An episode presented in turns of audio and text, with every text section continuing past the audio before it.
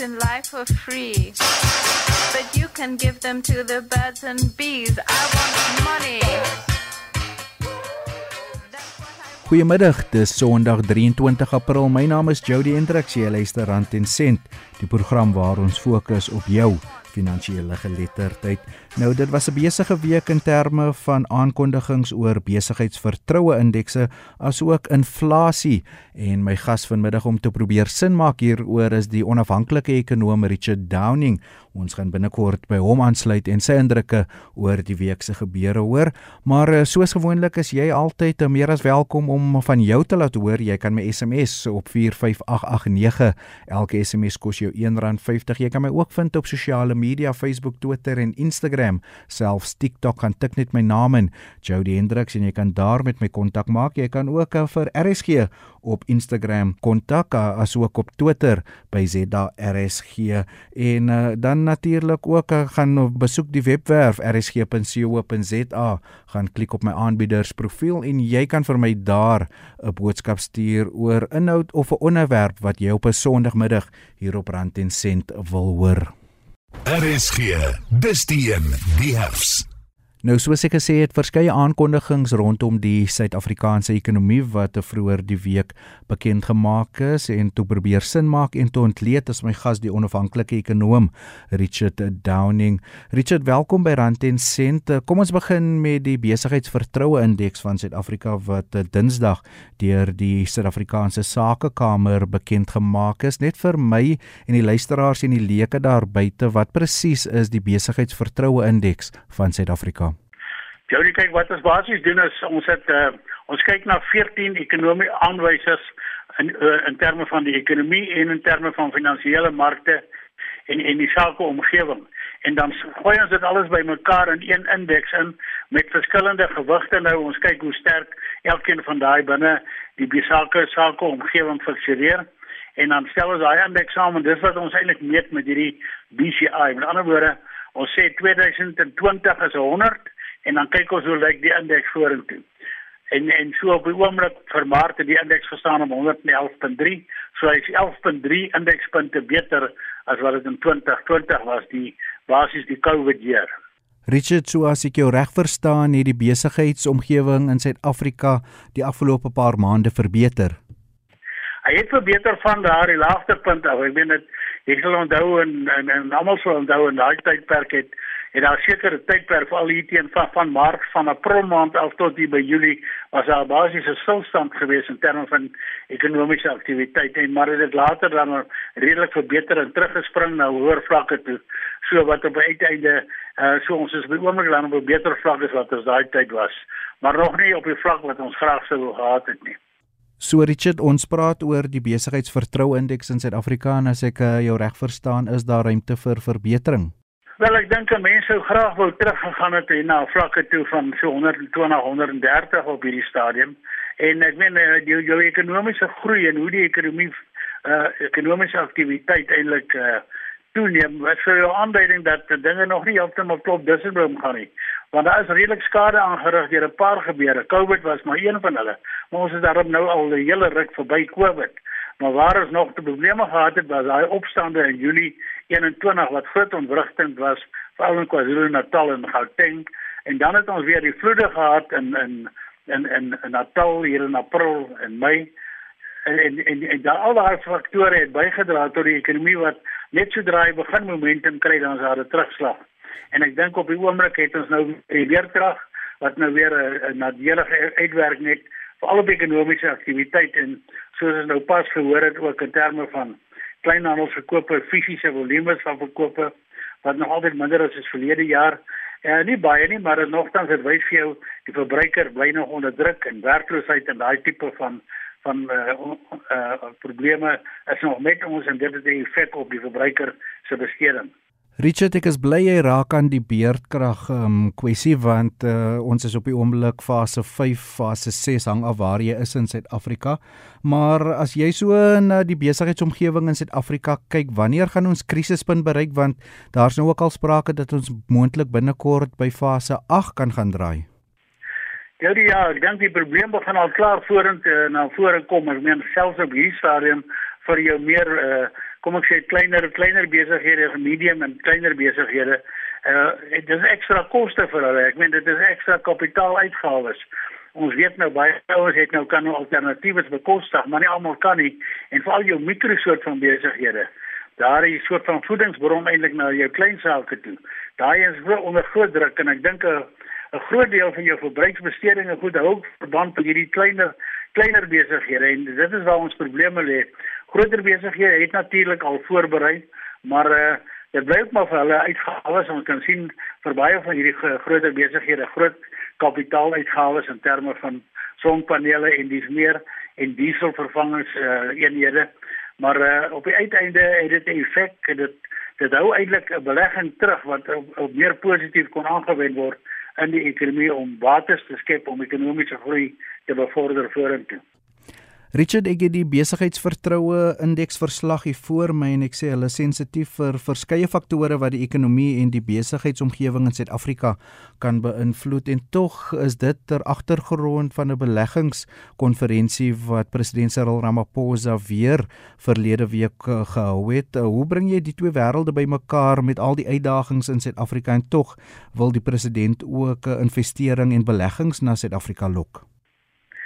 Kyk, Jody, ek meen dit is altyd uh, welkom om te sien daar is nog mense wat belangstel en hierdie bemarkingsoefeninge is altyd goed. Dit is altyd net makliker om 'n land te bemark indien dit baie daar baie positiewe aspekte verbonde is. Maar op die oomblik, ek dink dit is baie moeilik al het mense nou 'n storie rondom nuwe beleggings wat inkom. Ek meen ons benodig eintlik dubbel soveel belegging soos wat dit op die oomblik het in terme van vaste uh, bates. Met ander woorde, bates waarmee jy kan produseer. En dit is wat jou BBP behels, die bruto binnelandse produk of produksie in die land. Jy het bates nodig om regtig te kan produseer. En dan het jy saam met dit jy hoë vlak mannekrag nodig.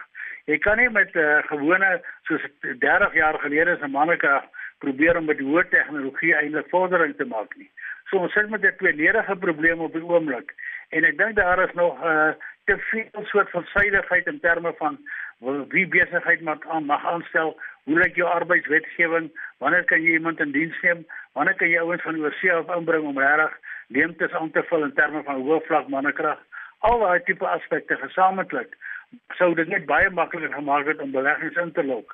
Maar ek dink ons sukkel. Ek ek, ek dink die beleidsrigtinge wat ons inslaan dit eintlik maak dit eintlik moeilik om positief te wees in terme van ander mense in te om te sê kom na ons toe kom belê hier want ons uh, oor die langtermyn en dis waarna beleggers kyk hulle kyk nie nou vas teen hierdie sake vertroue van die oomblik nie. Hulle kyk vas teen waar gaan julle oor 10 jaar wees? Hoe lyk julle planne vorentoe?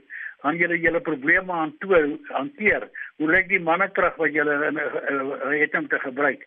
En ek dink al daai vraagstukke maak dit net makliker om beleggingskonferensies te hou. En ek weet nie of of of die omgewing op die oomblik baie gunstig is vir daai tipe van uh, bemarkingsoefeninge nie.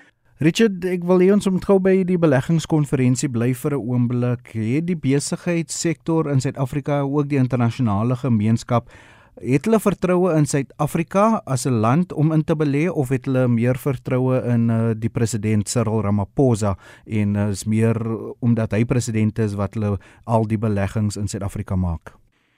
Kyk, my besigheid het net vertroue in terme van hoe hy kan sake doen tot 'n mate en ek meen dit is altyd nuttig om om iemand te hê wat soort van besigheid verstaan, maar wat ook sorg dat eintlik wat 'n soort van besluite kan neem wat eintlik die besigheidsomgewing be, uh, bevorder en vergemaklik. En uh 'n mens weet nie altyd of jy heeltemal in daai situasie is waar iemand leiding neem nie. En dit is wat 'n mens sterk nodig het op die oomblik.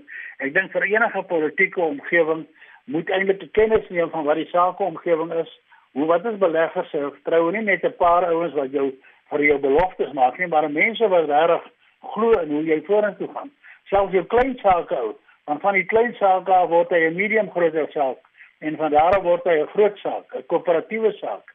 En ek dink dit is die stappe wat jy nodig het vir vir enige ou om te vorder, maar 'n mens moet daai pad vir hulle vergemaklik en nie bemoeilik nie.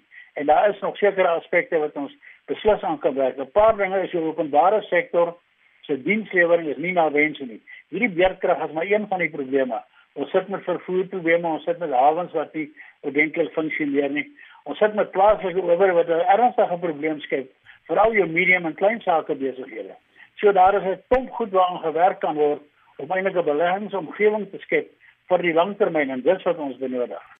Jy is ingeskakel op Rand en Sent met my Jody Hendriks. My gas vanmiddag is die onafhanklike ekonome Richard Downing. Ons gesels oor die besigheidsvertroue indeks van Suid-Afrika wat vroeër die week bekend gemaak is. Richard, jy het sopas verwys na die klein tot medium grootte ondernemings in Suid-Afrika wat sukkel met die verskeie uitdagings in die land, maar tog is dit ook jou groot multinasjonale maatskappye en internasionale maatskappye wat sukkel. Ek het net nou die dag gehoor van een van die bekende Amerika Amerikaanse wegneem ete restaurante wat nie meer hulle kragopwekkers gebruik nie omdat hulle sê dit eet al die profit op. Nee, verseker, ek meen kyk, ek meen as jy nou internasionale belegger en 'n internasionale koöperatiewe soort van besigheid, ek meen dit is altyd belangrik jy kyk na elke land spesifiek en hoe hy funksioneer. Selfs ek meen jy sal self kry dat in die Oekraïne daar nog daar nog van hierdie kitskos restaurante oop is omdat dit omdat dit winsgewend is. Onthou baie van hierdie groot maatskappye, oorsese maatskappye, uh, is is in terme van franchises in die Engelse woord nou te gebruik, is eintlik hierso bedrywig. So nou vir elkeen van hierdie tipe van kleiner besighede dan sogenaamd wat eintlik maar 'n groter 'n uh, deel is van 'n groter soort van maatskappy is eintlik maar aangewese op dit binne in daai land gaan en ek meen selfs jy weet eh, by ons is dit belangrik om self te sorg dat daai ouppies eintlik goed doen. Want uh, en ook jou plaaslike mense natuurlik. Ek meen want die plaaslike belegger is eintlik maar die voorloper om vir die buitelander te wys, kyk kom kom hier na toe kom belê en en ek meen dan dis winsgewend selfs vir ons kleiner ouppies. So wanneer hy groot nou inkom moet hy daarom daai versekerings hê dat hier 'n proposisie is om bestaan te maak, om winsgewend te wees en om in die laaste instansie jou aandeelhouers te bevredig. Want dis waaroor dit gaan vir die vir, vir die private sektor of vir die private belegger. Richard ons praat oor die besigheidsvertroue indeks van Suid-Afrika en ons kan nie die verslag wys ook daarna oor die impak wat dit op eh, aandelepryse op die Johannesburgse effekte beheers het. Ja, kyk, ek meen ek weet ek weet nie hoe die ou aandele koop nou juis in terme van hierdie selfvertroue indeks gaan gaan besluit neem nie, maar ek meen die die die aandele beurs die is, is, is eintlik 'n verhandeling as 'n mens dink aan die bates van sekere maatskappye wat genoteer is op die aandelebeurs. En jy verhandel eintlik daai bates op die aandelebeurs. Ander ou koop jy koop daai besigheid se aandele by jou. En dit is wat waar die aandelebeurs gaan. En hoekom sal ek nou aandele koop? Want ek dink vorentoe gaan hierdie maatskappy wins maak. Ek gaan hierdie aandelepryse gaan verhoog oor tyd. So die die die, die kope die, die aankope op die Johannesburgse aandelebeurs het baie te doen met toekomstige musiek. Waar is hy hierdie maatskappye op pad heen? Uh, is hy gaan hy winsgewend word? Gaan ek 'n goeie dividend kry? Is my kapitaal veilig in die eerste plek? As nie moontlikhede van bankrotskappe of likwidasies en die tipe dinge nie. En ek meen dit is belangrike aspekte waarna mense kyk. So dis baie die aandelebeurs is baie toekomsgerig tot 'n mate om te kyk waarheen is, is daai spesifieke maatskappy en besigheid op pad en is dit die moeite werd om jou om om om te belê. Richard, ek luister so oor die afgelope 10 plus minute na jou oor die besigheidsvertroue indeks in Suid-Afrika wat Dinsdag bekend gemaak is en die idee wat ek kry of die woord wat in my kop inkom is bestendigheid. Eh, sou jy die besigheidsomgewing in Suid-Afrika as bestendig beskryf? Dis vir die eerste paar maande van die jaar. Dit is Maart se verslag of se indeks wat bekend gemaak is en wanneer word die volgende een bekend gemaak en wat wil jy graag daarin sien in terme van verbetering? Wel, nee, ons sal seker nou hier teen eh uh, dis nou Maart, ons gaan die volgende indeks gaan elke 2 maande maak as om beskikbaar. Ons kyk natuurlik elke maand hoe uh, hoe die indeks beweeg, maar ek sou die huidige omgewing meer beskryf dat sake, die sake omgewing, dat uh, besighede volhard nog op hierdie stadium en hulle is eintlik die ouens wat die sake indeks tot 'n mate verhoed het dat hy baie verder val as die 6 punte wat hy vanaf Desember tot nou toe geval het. En as dit nou as dit nie vir die sake sektor was nie, sou ons dalk 'n baie ernstige situasie gehad het. En, en die volharding is ten spyte van, ten spyte van algemene owerheid wat nie uh, die funksies ver, vervul soos hulle moet nie. Maar ek dink uh, mense 'n verwagting moet hê van dit. Dink ek dit gaan 'n moeilike tyd nog wees. Ek meen hierdie soos ons maar luister, ons is nou weer op fase 6 beerkrag en hierdie beerkrag gaan nog 'n rol speel. Dit lyk nie of daar 'n uitkoms nog is vir wat in Oekraïne aangaan nie.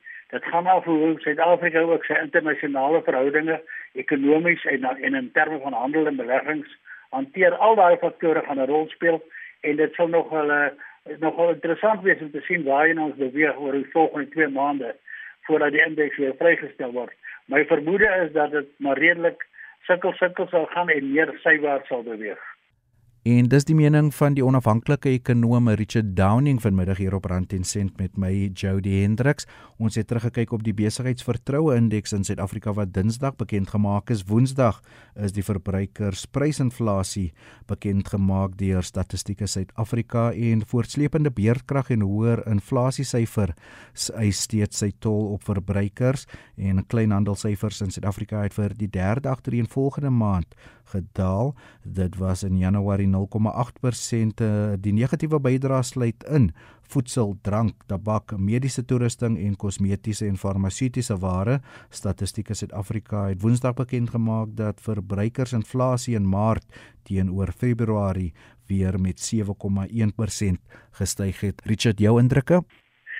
Ja, wel verbruikerspryse is nog besig om te styg. Ons sien veral jou voedselpryse is redelik sterk aan die aan die beweeg Ons sien daar is 14% stygings gewees in terme van voedselpryse wat 'n redelike sterk sterk stygings is en dit slaat vir slaat vir al op jou verbruikers wat wat meer bestee op voedsel en in basiese lewensmiddels. En ek dink dit is 'n uh, verontrusting gegee die werkloosheidsvlak waarmee ons sit en die onvermoë eintlik om van die fiskale kant af te help mense te help te kom want ek meen fiskale uh, in, in terme van die staatsfinansies is daar ook ernstige druk en nie eintlik ruimte om eintlik mense te help aan hierdie stadium nie. So dit is 'n uh, die voedselpryse is 'n waarskuwing. As jy mens kyk meer na kerninflasie, lyk dit asof die dinge daarin begin die monetêre beleid daarin begin om 'n effek te hê om inflasie te demp in 'n sekere mate in die algemeen.